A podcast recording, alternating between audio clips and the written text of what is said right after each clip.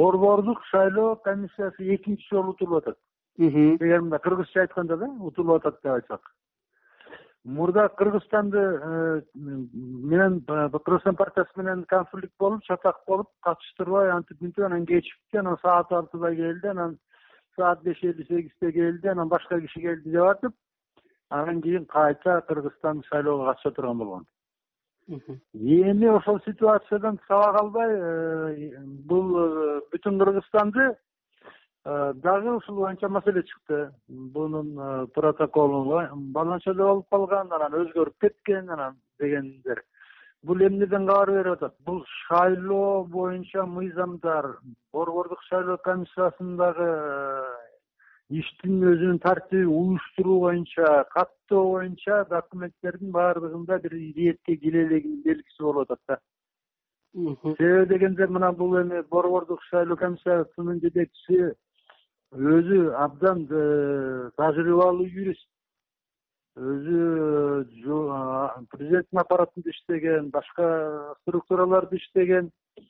Анан кийин мыйзамдар боюнча дагы жакшы. Мен бул кишини билем э, мен дагы иштешип жүргөндө. Анан кийин э, бул э, ушундай экинчи ирет жаңылыштырып кетип атканы бул э, жөн эле бир мындай борбордук шайлоо комиссиясынын составына жана ошол жердеги документация мыйзамдарга ушунчадан бери бир өзгөртүү киргизип тартипке салынбагандыгынын белгиси да. Мына өзүңүз көрдүңүз президенттик шайлоо мындан үч жыл мурун болгондо канча киши катталып канча кишилер талапкер болду президенттик орунга ошол э, ал ошондо дагы бир топ башаламандыктар чыккан. Демек маселе борбордук шайлоо комиссиясынын аброюнда репутациясында болуп атат. Борбордук шайлоо комиссиясынын эле эмес бул баары ушул биздин жалпыбызга деле борбордук шайлоо комиссиясына биринчи очередь. Ушул э, жогорку кеңеш өзү мыйзамдарды кабыл алып берип атат бекитип берип атат карап атат анан өзү мына шайлоого барып атат өзүнүн мыйзамдарды иретке келтирип ушул мыйзамдардын соответствиесин карап шайлоого даярбыз дегенге чейин жеткирип коюп анан кийин кайта өздөрү ошол мыйзамдагы чийкинин азабын талапкер болгон ушул эле партиялар мына эми бүтүн кыргызстан э, жок болчу парламентте калганы ошо кыргызстан бар болчу. Ушун үчүн бул мынабу мыйзамдуу мамлекет куруп атабыз жакшы эмеге барып атабыз деген менен сөз жүзүндө эле калып аткан маселе болуп атпайбы эми мына азыркы партиялардын сайрап аткан программаларын угуп атабыз баарыбыз эле ушул мыйзамдарды тартипке келтирип мыйзамдардын үстөмдүгүн орнотом деген бир партияны да бир биринчи орунга айткан партия деле көрүнгөн жок да.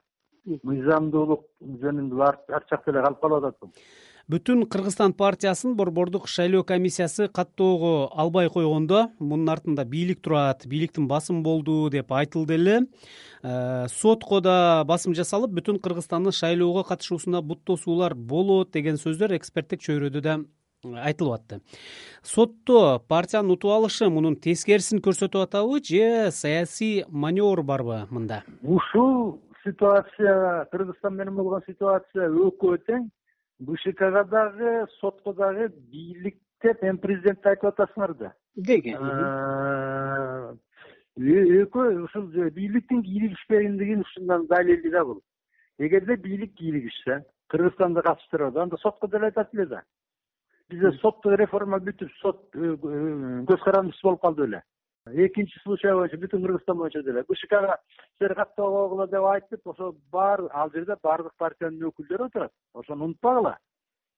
Ал жака басым көрсөтүш кыйыныраак бир э, соттоп аткан сотко караганда.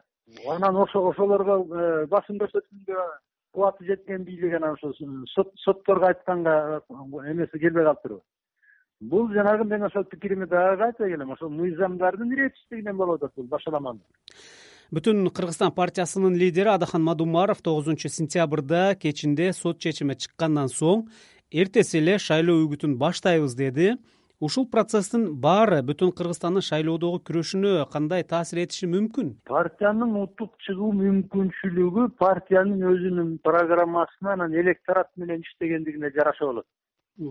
Азыр мына он беш партия кетип баратат кийинки жылдарда бүтүн кыргызстан э, шайлоолордо э, куйругу лаш келип эле анан өтпөй калып жатып атат барьерден.